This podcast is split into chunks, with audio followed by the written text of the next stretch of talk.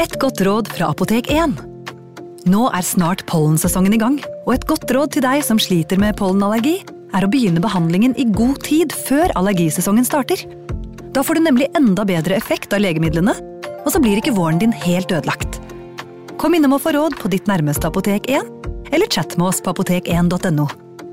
Apotek 1 vår kunnskap, din trygghet.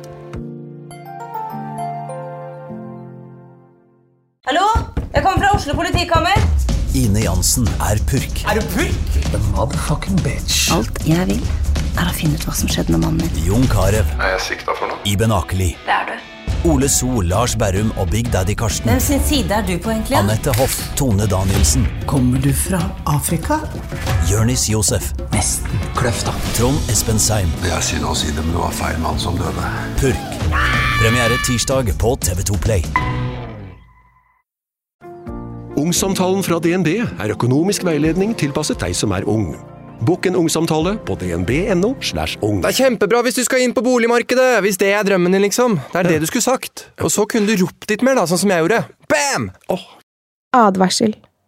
Denne podkasten inneholder skildringer av ekte drap og kriminalsaker som kan være støtende for enkelte.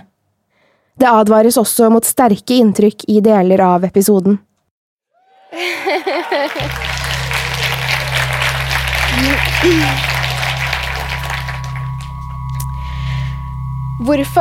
dreper kvinner?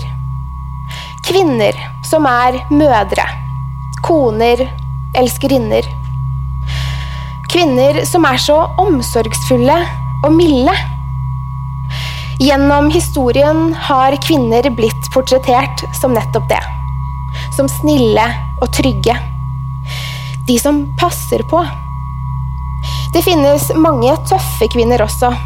Kvinner som har stått opp for sine medsøstre, slik at vi som lever i den fremtiden de kanskje håpet på, skulle få det så godt som vi faktisk har det i dag. Eller kanskje de hadde håpet på at vi skulle fått det litt bedre? Det finnes også onde kvinner som ikke passer inn i bildet verden har skapt av denne myke og moderlige skapningen. Den kvinnelige morderen. Det finnes mange typer kvinnelige mordere. De som dreper barna sine. De som dreper mannen sin. Eller kanskje en kjærlighetsrival. Det finnes kvinner som er seriemordere. Kvinner som dreper en fiende. Og kvinner som dreper bare for å drepe. Alle disse har én ting til felles motivet. Vi har med årene heldigvis latt oss slutte å bli overrasket over at kvinner dreper. At mødre, ja til og med bestemødre, dreper. Men vi spør oss alltid hvorfor. Hva var grunnen til drapet? Hvorfor måtte det ende slik? Og da kommer vi tilbake til motivet igjen. Det samme motivet hver eneste gang. Personlig vinning. Enten det er økonomisk eller for å rydde noen av veien, er kvinners motiv for drap å gagne seg selv. De vil oppnå noe, få igjen noe for mordet. Kynisk, ja. Men også lett å gjennomskue. De fleste drapssakene vi hører om hvor kvinnen er morderen, er motivet likt. De ville, ha, de ville ha noe de ikke fikk. Derfor tok de det likevel. Jeg lurer ofte på hvordan kvinner som har barn, klarer å fremkalle så mye ondskap i seg selv. Kanskje de ikke ser på det som kjærlighet. Eller kanskje kjærligheten ikke betyr noe. Eller kan det hende at kjærligheten driver dem til mord? I kveld skal den første mordhistorien handle om en kvinne. En kvinne som drepte for personlig vinning. Griskheten hennes gikk utover hennes egen familie. En kvinne med seks barn som jobbet som sosionom på et hjem for ensomkommende asylbarn. En kvinne jeg tror jeg aldri blir klok på. Jeg er sikker på at mange av dere har hørt om denne saken, men kanskje dere ikke kjenner hele historien. Vi skal til Arboga i Sverige. Til et vakkert sommerhus på Granliden. Huset ligger ved vannet. Har stor, flott hage. En liten båt. Grillplass for hyggelige familiemiddager på lange, lyse sommerkvelder. Huset er selve symbolet på svensk sommeridyll. Og derfor er det som skjedde der, kanskje enda mer uforståelig. To mennesker døde nemlig på dette stedet. Velkommen til True Crime Podden live.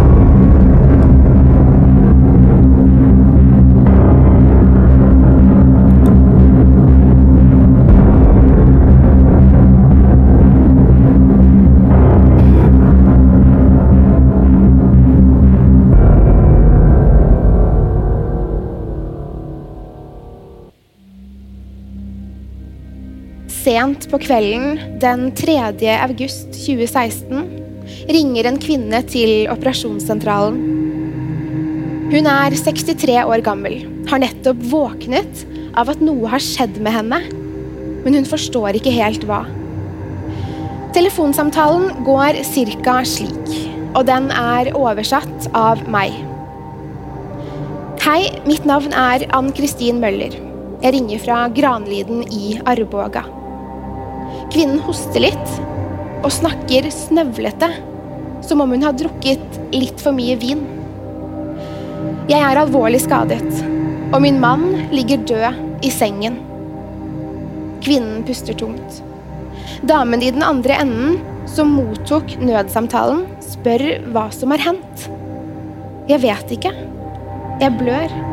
Du må komme med en gang. Under samtalen, klarer damen på operasjonssentralen å spore den til et sommerhus som ligger ved nettopp Granliden, slik som Ann-Kristin fortalte. Hun tror kanskje dette handler om fyllebråk eller en form for familievold, og sender en politipatrulje og en ambulanse til sommerhuset mens hun prøver å holde Ann-Kristin på linjen. Jeg dør snart. Jeg dør. Jeg kommer til å dø. Kvinnen hoster igjen og puster tungt. Du må nesten fortelle meg hva som har skjedd, sier damen på operasjonssentralen. Jeg vet ikke. Jeg våknet av at jeg hadde store sår, og at jeg blødde. Politiet har i mellomtiden kommet seg til området der kvinnen ringer fra, men har problemer med å finne huset, da det ligger bak et lite skogholt. De leter med lommelykter en stund før de ser et, en hvit flaggstang og et rødt sommerhus hvor det lyser svakt fra et av vinduene i første etasje. De to politimennene tar seg frem til huset og kikker inn gjennom vinduene. I stuen sitter en eldre dame, helt naken, med blod over hele seg. Hun holder en mobiltelefon mot øret og snakker med noen i den andre enden. Hvor blør du fra? spør damen på operasjonssentralen. Hele kroppen. Jeg har store hull over hele meg. Jeg kommer til å dø. Den ene politimannen tar seg inn i sommerhuset og går mot kvinnen med hevet lommelykt. Det virker ikke som hun engang enser at det er kommet noen. At hjelpen er der. Mannen vinker på ambulansepersonalet gjennom vinduet. Også de kommer inn i huset. De setter seg ned ved kvinnen og prøver å roe henne ned. Hun er redd, puster overfladisk og blør fra flere store flenger over hele kroppen. Det ene kinnet hennes er skåret opp så politimannen kan se tennene og tungen bevege seg gjennom det åpne såret. Han ser, kvinnen, han ser til at kvinnen får hjelp, og går opp i andre etasje. Trappen er blodig, og han følger blodsporene til ekteparets soverom. I sengen ligger én person, helt stille. Politimannen slår på lyset for å se bedre, og foran han ligger en mann. Kritthvit og blodig. Han kjenner pulsen på mannen og avgjør at det ikke er noe tegn til liv. Politimannen varsler ambulansepersonalet, og den ene av dem sier seg enig i at det ikke finnes noen livstegn hos mannen. Lege og flere politipatruljer kalles til Granliden. De står overfor et drap. Spor må sikres, og den livløse mannen må erklæres død. Da politimannen kommer ned trappen, sitter kvinnen fortsatt i stolen. Nå med bandasjer og forbindinger over flere av sårene sine. Hun ser på mannen og sier det må ha kommet noen inn her og gitt oss disse skadene. Politimannen nikker. Så spør hun lever mannen min. Han rister på hodet. Ann-Kristin Møller blir så kjørt til sykehuset for videre behandling og operasjoner. Anki, som hun ble kalt, er bevisst hele veien til sykehuset. Hun snakker litt med den ene damen som sitter med henne, og damen spør. Har du og din mann noen fiender? Er det kanskje noen som ønsker å skade dere? Fiender har vi nok ikke. Men vi har en knute på tråden med datteren vår.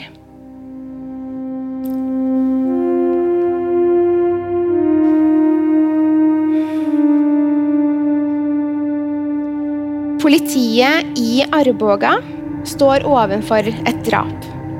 Et veldig brutalt drap på to eldre mennesker som sov da de ble angrepet.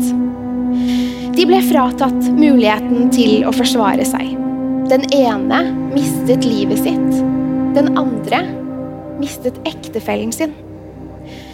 Anki Møller overlevde knivangrepet. Gjøran døde.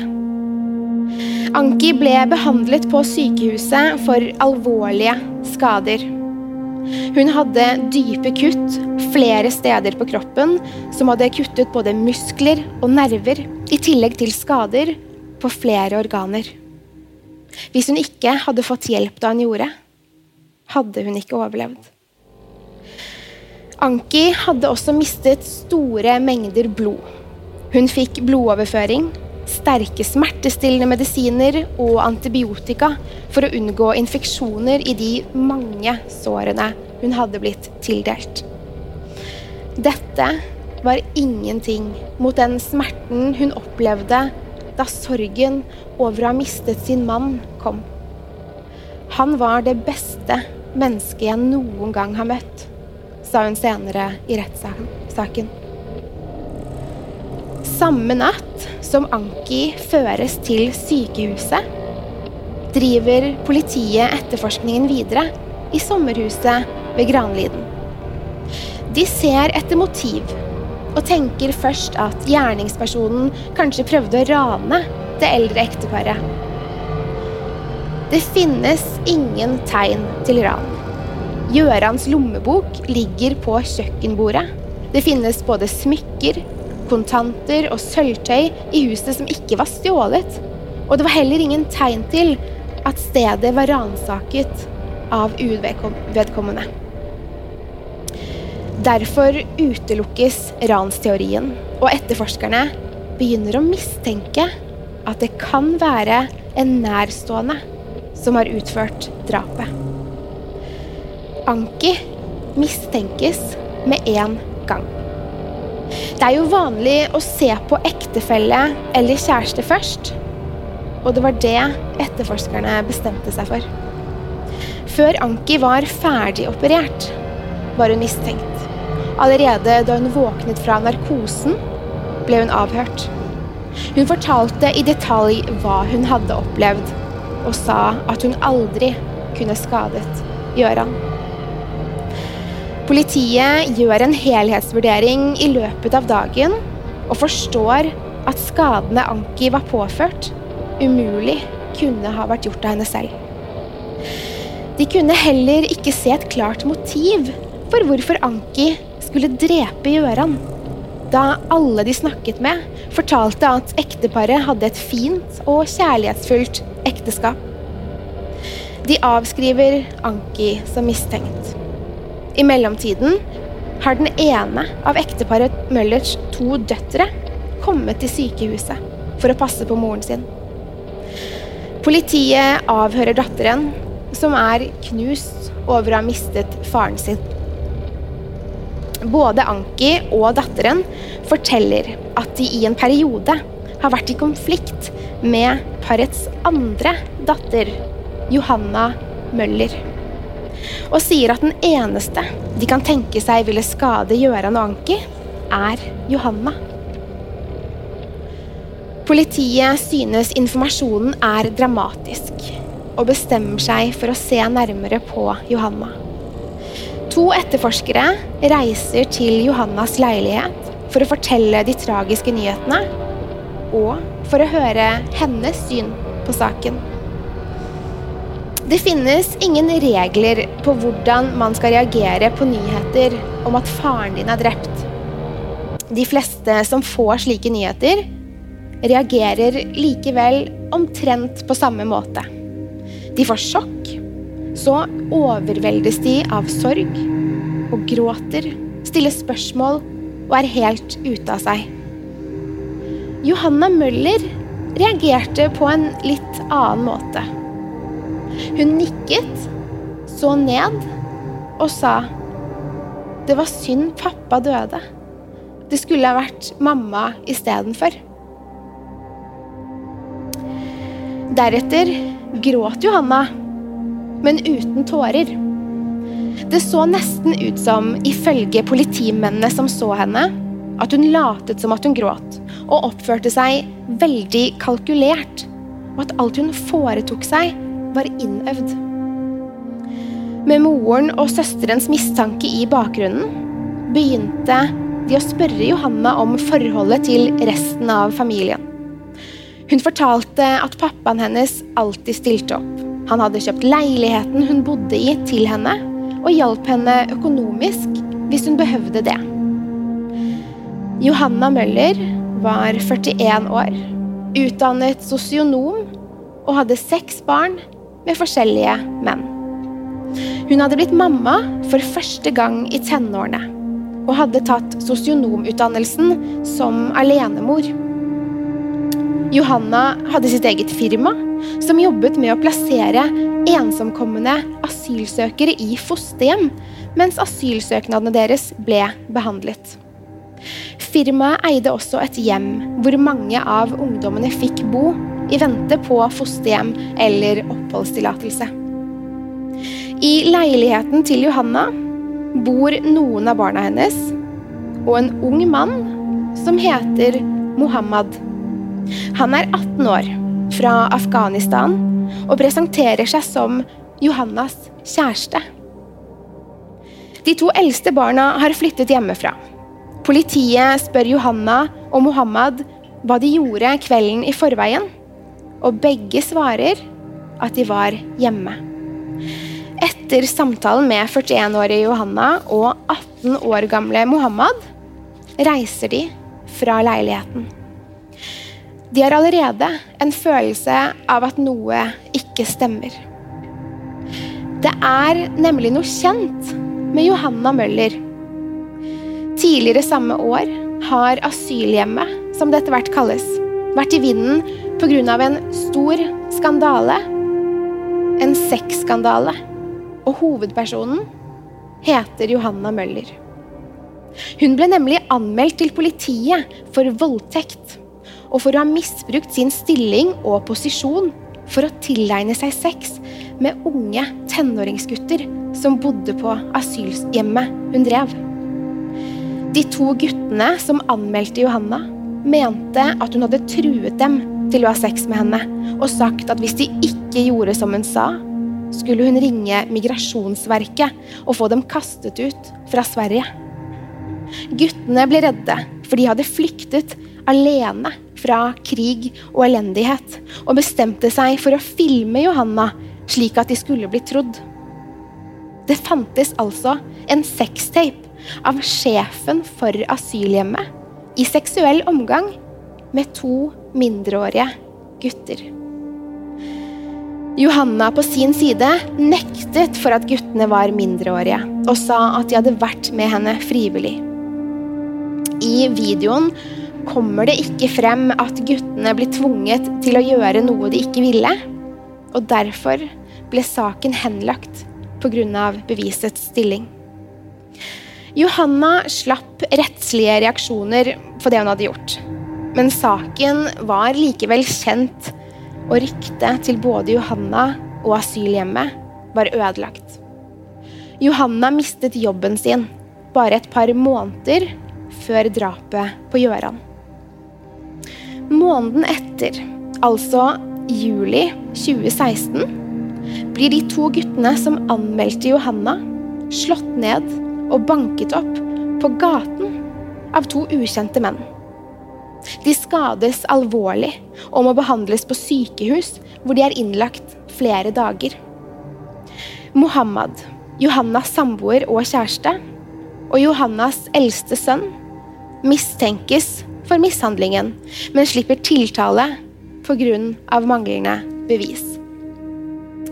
Måten Johanna reagerte på da hun fikk vite om drapet på faren, mistankene fra hennes egen mor og søster i tillegg til sexskandalen og mishandlingen av asylguttene, gjør at politietterforskerne synes det er verdt å se nærmere på om Johanna faktisk kan ha hatt noe å gjøre med drapet på faren og drapsforsøket på moren. En tidligere kollega av Johanna ringer også politiet. Fordi hun har funnet noe mistenkelig i en av tjenestebilene som tilhørte asylhjemmet. Kollegaen tror hun har funnet blod. Den 16. august, bare to uker etter drapet og drapsforsøket, pågripes Johanna Møller og kjæresten Mohammed på Arlanda flyplass i Stockholm. Paret er på vei til Thailand. De skulle på ferie, og politiet var redde for at de skulle forsøke å rømme landet. Johanna og Mohammed avhøres hver for seg. Etterforskeren lurer på hvorfor kjæresteparet tenkte å dra på ferie så kort tid etter mordet på Johanna sin far. Og Johanna svarer at de hadde allerede kjøpt turen, så hun kunne jo ikke avbooke den. Johanna hadde heller ikke besøkt moren på sykehuset eller snakket med søsteren sin etter at Gjøran var drept. Både Johanna og Mohammed avhøres, og begge sier at de ikke hadde noe med drap å gjøre. Johanna forteller likevel flere versjoner av hva hun gjorde den kvelden faren ble drept. Alt fra at hun var og handlet i forskjellige butikker, til at hun var hjemme hun sier at sønnen hennes kan gi henne alibi, for han passet barna mens hun var i butikken. Johanna husker først ikke hvilken butikk hun handlet i. Så sier hun at hun var i tre forskjellige butikker. Når politietterforskeren spør om hvorfor hun brukte så lang tid på å handle. De hadde ikke det jeg skulle ha, så jeg måtte lete i flere butikker. På Johannas kontoutskrift vises det ikke at hun har vært og handlet den kvelden faren ble drept. Jeg hadde glemt lommeboken hjemme, så jeg fikk ikke kjøpt noe, var Johannas svar på det. Johanna forteller så at hun dro hjem og tok seg et glass vin mens hun slappet av på sofaen. Hun husker ikke hvor Mohammed, samboeren, var. Hun trodde kanskje han traff noen venner. Mohammed forteller først at han var hjemme da Gjøran ble drept. Men når politiet avslører at Johanna forteller noe annet, sier han at han ikke husker. Politiet synes begge to viser tegn på at de lyver. men av taktiske årsaker bestemmer de seg for å slippe kjæresteparet fri fra varetekt. De rigger opp avlyttingsutstyr i Johannas bil og avlytter telefonene deres i håp om at de skal si noe avslørende. Mistankene mot dem begge er sterke, men de trenger mer bevis. Og det skal de få. Johanna Møller snakker med Mohammed i bilen idet de kjører fra politihuset.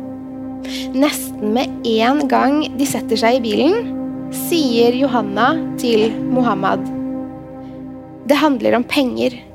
Vi må ha penger. De har sikkert satt en sender under bilen, så de ser hvor vi er. Vi må være forsiktige. Forstår du? Johanna ler. Verste kriminelle, liksom. Men du skal ikke si noe. Bare si at du ikke husker, eller si at du ikke forstår svensk. Mohammed svarer ok. Så fort vi har giftet oss, kan vi dra utenlands. Vi må aldri tvile på hverandre. Da kan ikke du si at det er du som har drept. Er du sint på meg? spør Mohammed. Ja, du holder jo på å ødelegge alt. Jeg vil ikke bli dømt for mord eller mordforsøk. Politiet hører denne samtalen live og Johanna, mens Johanna og Mohammed kjører fra politistasjonen. De velger fortsatt å ikke pågripe dem, i tilfelle de sier noe mer om drapet. Den 24. august, under en uke etter at Johanna og Mohammed slippes fri fra varetekt, reiser Johanna til Thailand på ferien hun allerede hadde betalt og ikke kunne avbooke. Mohammed, som ikke har permanent oppholdstillatelse i Sverige, må bli hjemme. Han får et par tusen kroner av henne til å handle mat for. Johanna koser seg veldig på ferieturen. Det er allerede kjent i media på dette tidspunktet at Johanna og Mohammed mistenkes for mordet. Og en journalist fra den svenske kveldsavisen Ekspressen reiser til Thailand for å se hva Johanna gjør. Johanna drikker drinker ved bassenget, bader, spiser gode middager og får massasje. Hun ser ut til å ha verdens beste ferie. Bare noen uker etter at faren hennes ble knivdrept i sitt eget sommerhus.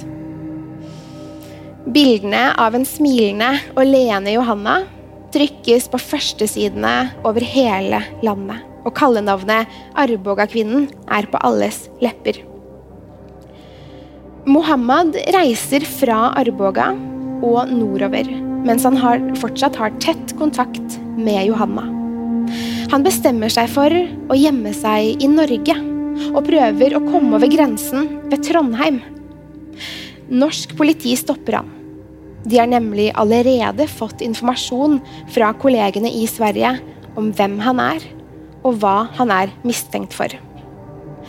Sammen bestemmer politiet i begge land, med politiadvokater i spissen, at Mohammed skal slippes inn i Norge og holdes under oppsyn. Mohammed sjekker inn på et hotell i sentrum av Trondheim, og norsk politi avlytter hotellrommet. Svensk politi overvåker telefonen hans og ser at han tekster mye med Johanna. Han forteller at han er i Trondheim, og at han vil at hun skal komme hjem. Han er redd, sier han. Mohammed snakker også med noen kamerater i telefonen, og til en av kameratene forteller han at han har begått et drap. Han sier at den ene han knivstakk, døde, og at den andre overlevde. Han sier at kvinnen han er sammen med, fikk han til å gjøre det. Politiet har nå nok til å gå til pågripelse, men venter tålmodig til Johanna er hjemme fra ferie. Johanna flyr hit til Oslo og deretter videre til Trondheim. Samme dag som svensk politi ber norsk politi om å pågripe kjæresteparet, får de en telefon fra forsikringsselskapet If sitt hovedkontor i Stockholm. If mistenker at Johanna Møller har drept noen før Gøran. Johanna Møller er nemlig enke. For ektemannen hennes døde nesten eksakt et år før faren hennes. Han druknet ved sommerhuset på Granliden.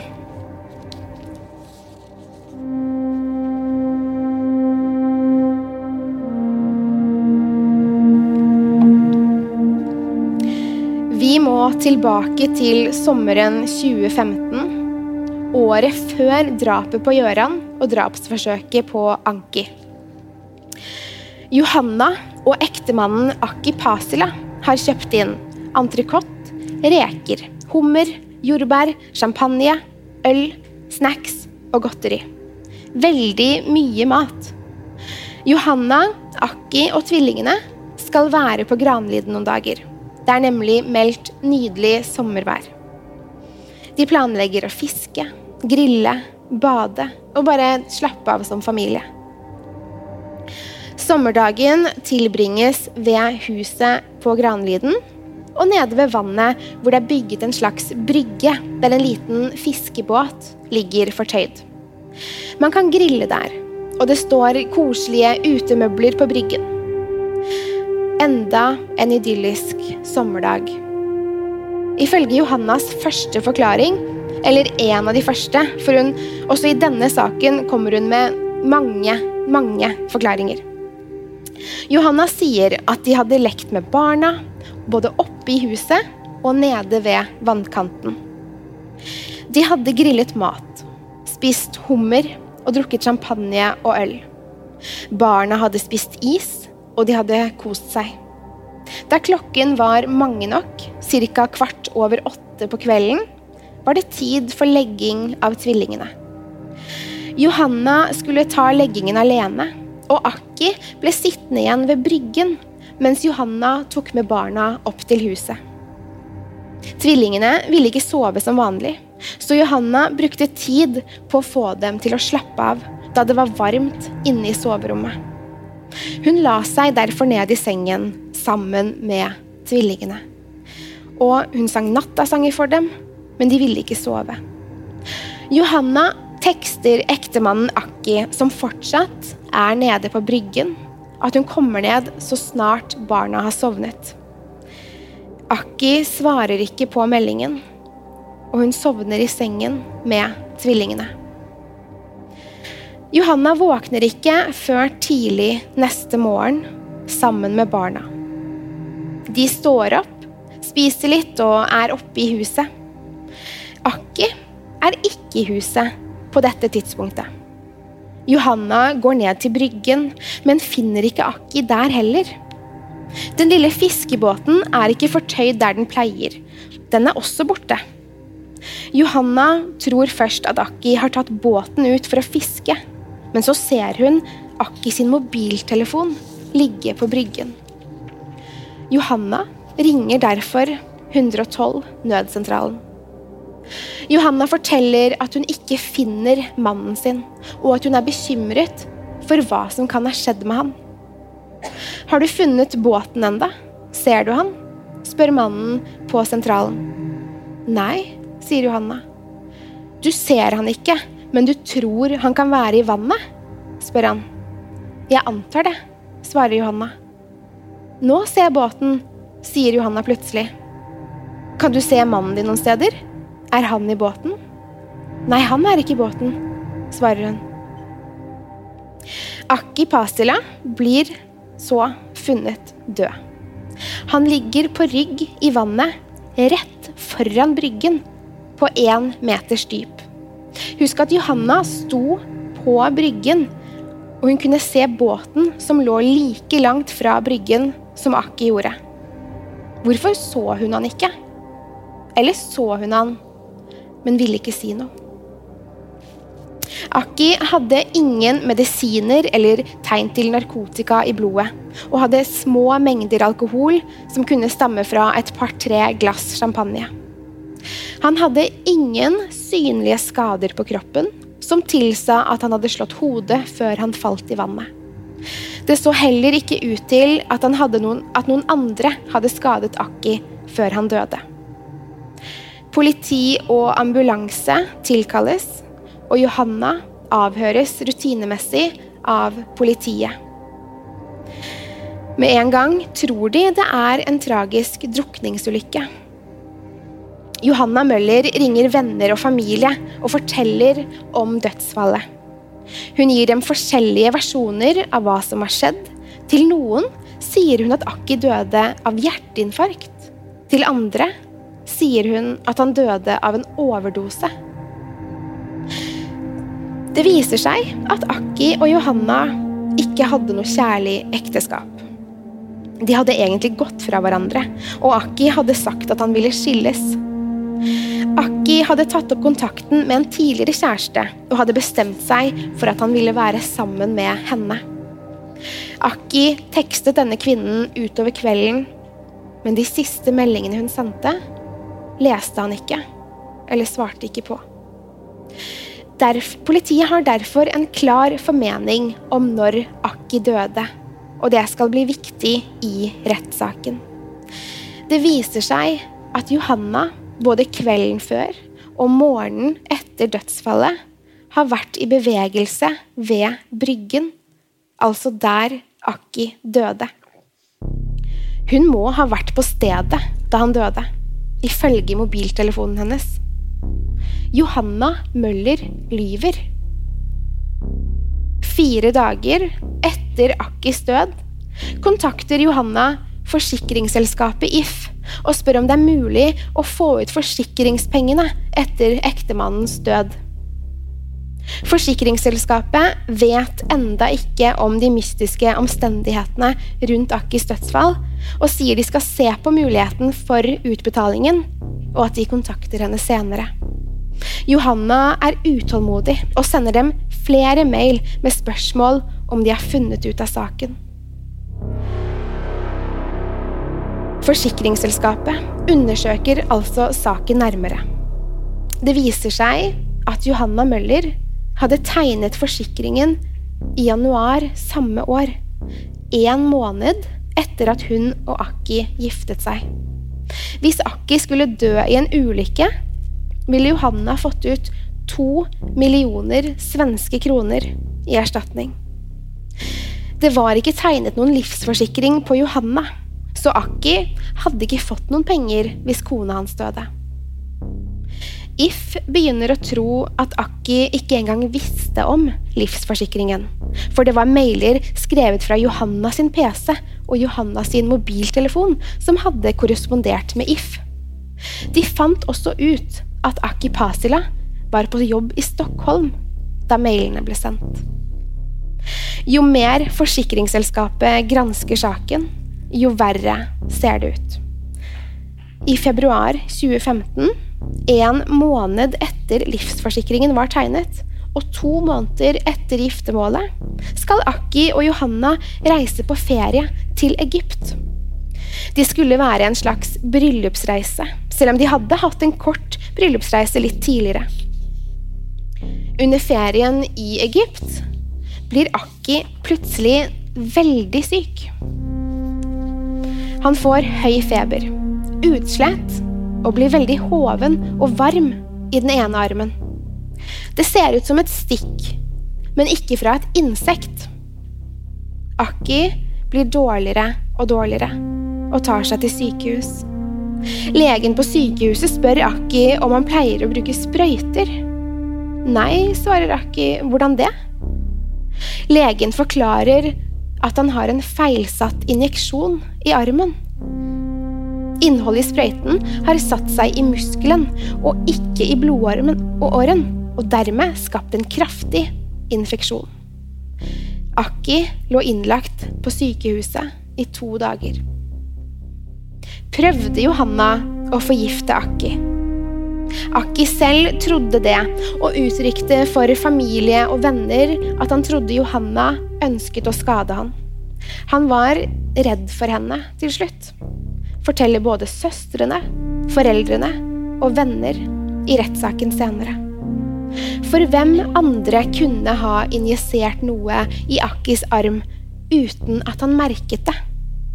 Det måtte jo ha skjedd mens han sov, trodde han og den eneste han delte rom med, og som kanskje hadde motiv i form av to millioner kroner, var Johanna. Fem måneder senere dør Akki, og bare Johanna er til stede. Han dør en lørdag, og Johanna går på jobb og oppfører seg helt vanlig mandag. Så kontakter hun som nevnt forsikringsselskapet, og de setter i gang etterforskningen. Johanna mailer dem flere ganger og spør om hvorfor det tar sånn tid med å få utbetalt pengene, fordi, og jeg siterer Johanna Møller, de fant jo ingenting på obduksjonen. Etter alle de nye opplysningene kontakter If politiet. Tilfeldigvis bare én måned etter at Gjøran ble drept. Siden Akkis død ble skrevet av som en drukningsulykke, ble det ikke foretatt noen åstedsundersøkelse den dagen. Politiet har kun etterforskningen som If har gjort, og den er for så vidt både grundig og forseggjort. Men de mangler vesentlige punkter som If ikke hadde myndighet eller mulighet til å undersøke. Som for eksempel hvordan Akki druknet. For å finne det ut bestemte politiet seg for å grave opp Akis lik. Han hadde ligget i jorden i over et år og var sterkt forråtnet da han ble tatt opp, men den anatomiske strukturen på kroppen var der fortsatt, så de kunne gjøre vevsundersøkelser på han likevel. Politietterforskerne synes det var uvanlig at en frisk og sterk mann med bare litt alkohol i blodet og ingen hodeskader som kunne ha gjort han bevisstløs, kunne ha klart å drukne rett ved siden av bryggen på én meters dyp. De ville derfor vite om han druknet i Hjelmaren, eller kanskje et annet sted. For å finne ut av det måtte de se hvor mange kiselalger, en type alge som finnes i bl.a. Hjelmaren om sommeren, i store mengder. De ville se hvor mange Akki hadde i lungene. Siden han tilsynelatende druknet i Hjelmaren. Om sommeren pleier det å være hundretusenvis av kiselalger i vannet. De forventet seg derfor at Akki skulle ha hundretusenvis av slike alger i lungevevet. De tok prøver, og Akki hadde faktisk kiselalger i lungene. Han hadde tre stykker. Politiet mener at det beviser at Akki ikke druknet i Hjelmaren, men i et annet vann. I et badekar? Eller kanskje et annet sted? Men det er et problem som politiet har, som Johannas forsvarer hopper på med en gang, naturligvis. Det ble ikke tatt prøver av vannet i Hjelmaren den dagen Akki druknet. Så derfor er resten bare antakelser. Det er ganske usannsynlig at det kun var minimalt med kiselalger den dagen, men det kan ikke brukes som et teknisk bevis. Kiselalgebeviset ble likevel et sterkt indisium på at Akki ikke druknet der.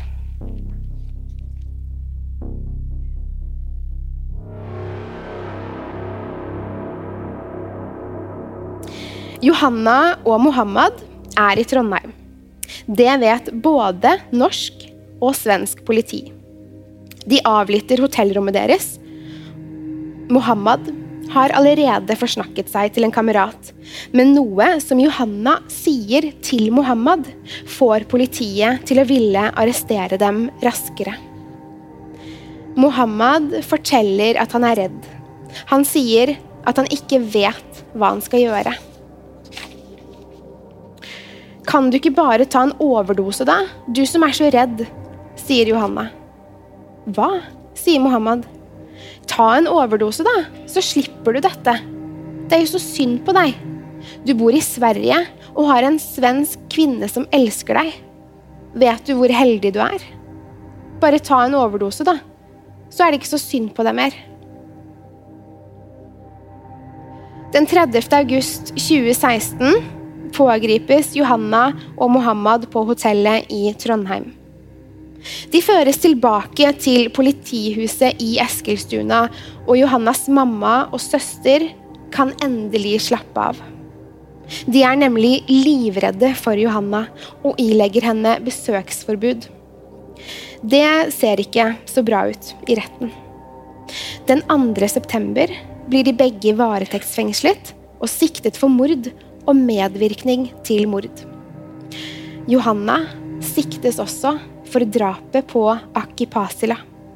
Familien hans føler at de endelig blir hørt. Sverige forbereder seg på en av de største mordsakene gjennom historien. Kanskje bare Palmemordet har fått større oppmerksomhet. Johanna sitter isolert og har både brev og besøksforbud. Hun får ikke med seg hvor stor saken blir, før hun får snakket med noen av barna sine. Advokaten hennes prøver å forberede Johanna på rettssaken. Men hun vet at Johanna Møller er en løs kanon som kan komme til å si hva som helst for å redde seg selv. Men hun kan også forsnakke seg. Johanna har allerede sagt mye inkriminerende under avlyttingen som kommer til å bli brukt mot henne i rettssaken. Den 7. februar tilstår Mohammed Rayabi mordet på Gøran Møller og mordforsøket på Anki Møller. Først forteller han at han hadde sovnet, og plutselig våknet i en bil som kjørte. I bilen satt en som het Ali, og Ali sa at de var på vei til Granliden. Mohammed spør hva de skal på Granlyden, og Ali svarer 'det vet du'. Vel fremme ved huset tar Ali frem en pistol og truer Mohammed til å drepe Gjøran og Anki. Han forteller at det var slukket i huset, og at de var sikre på at ekteparet sov. Mohammed listet seg inn i gangen og opp trappen til andre etasje, der Anki og Gjøran sov.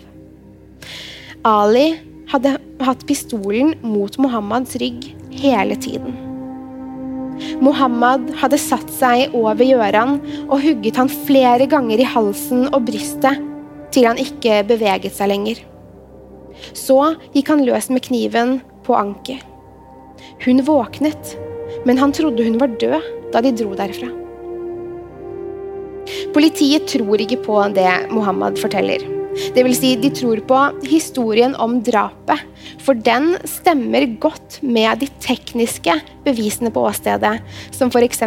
Mohammeds fotspor på soverommet. Det er ingen tvil om at det var Mohammed som drepte dem.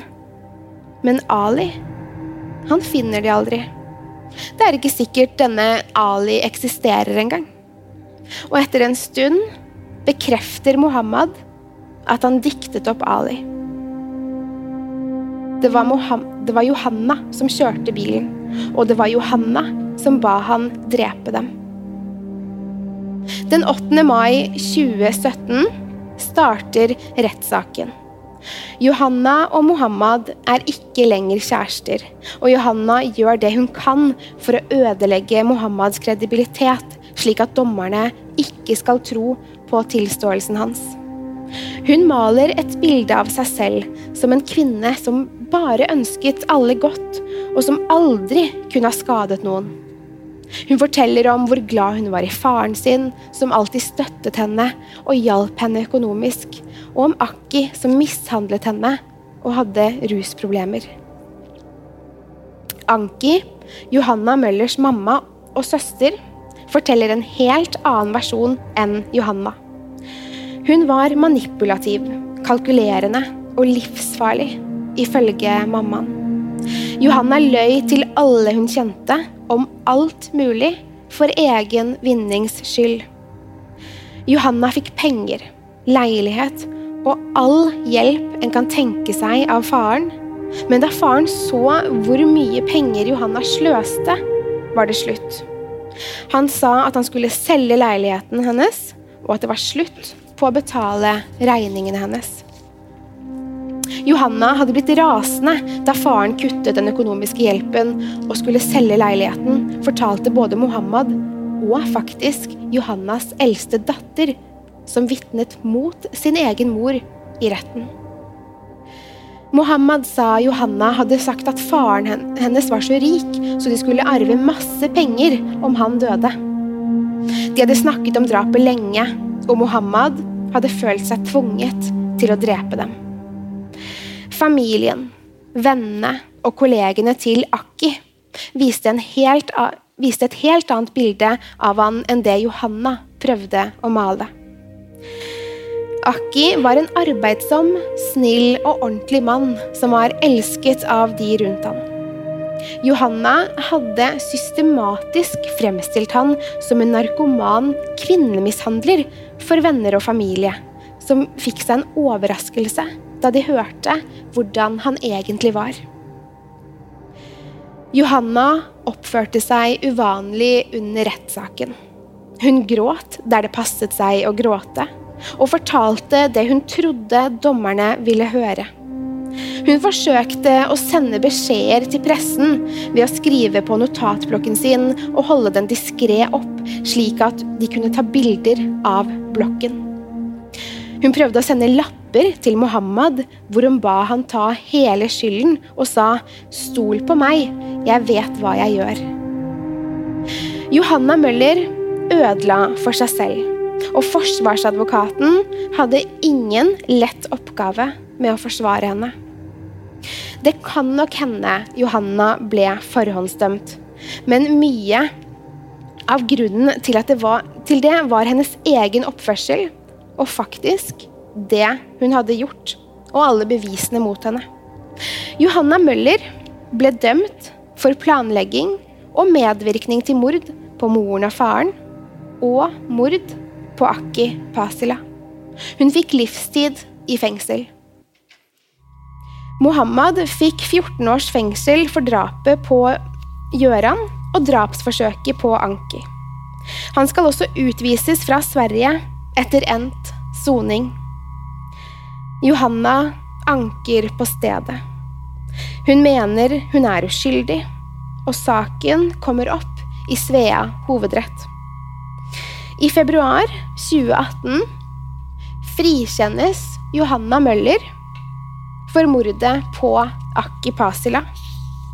Men dommen for foreldrenes mord og mordforsøk opprettholdes. Hun får fortsatt livstid i fengsel. Mohammeds dom blir den samme.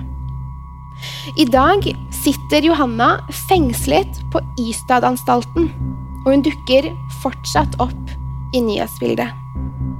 Senest forrige uke prøvde Johanna å få en annen innsatt, en kvinne ved navn Linda Granvoll, som også sitter inne for mord, til å drepe mammaen sin, Anki for én million kroner. Mammaen min har masse penger, hadde Johanna sagt. For Johanna får nemlig fortsatt arve moren sin. Andre overskrifter som 'Johanna frir til Mohammed fra fengselet', han takket for øvrig pent nei til det, og Johanna Møller skriver 'kokebok fra fengselet', med pappas favorittmat. Jeg tror ikke vi har hørt det siste fra Johanna Møller, men de som har gått imot henne, kan i alle fall være litt trygge på at hun sitter i fengsel, og at hun kanskje aldri kommer ut. Så får vi håpe hun ikke manipulerer noen, til å drepe for henne igjen. Pass på dere selv, og takk for at du har hørt på True Crime Poden.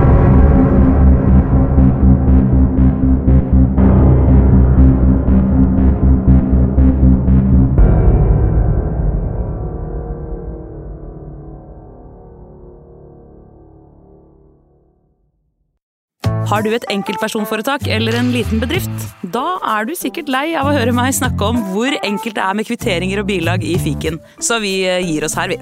Fordi vi liker enkelt. Fiken superenkelt regnskap. Hei! Takk for at du lytter til True Crime Podden. Skulle du ønske at du kunne høre en ny episode av denne podkasten hver eneste uke? Vel, da er det bare å laste ned podkastappen Untold med en gang. I tillegg til ukentlige episoder av podkaster som Skrekkpodden, Synderne og Henrettelsespodden, får du masse annet reklamefritt og eksklusivt innhold. Last ned Untold i AppStore eller Google Play, og start din 30 dagers prøveperiode i dag.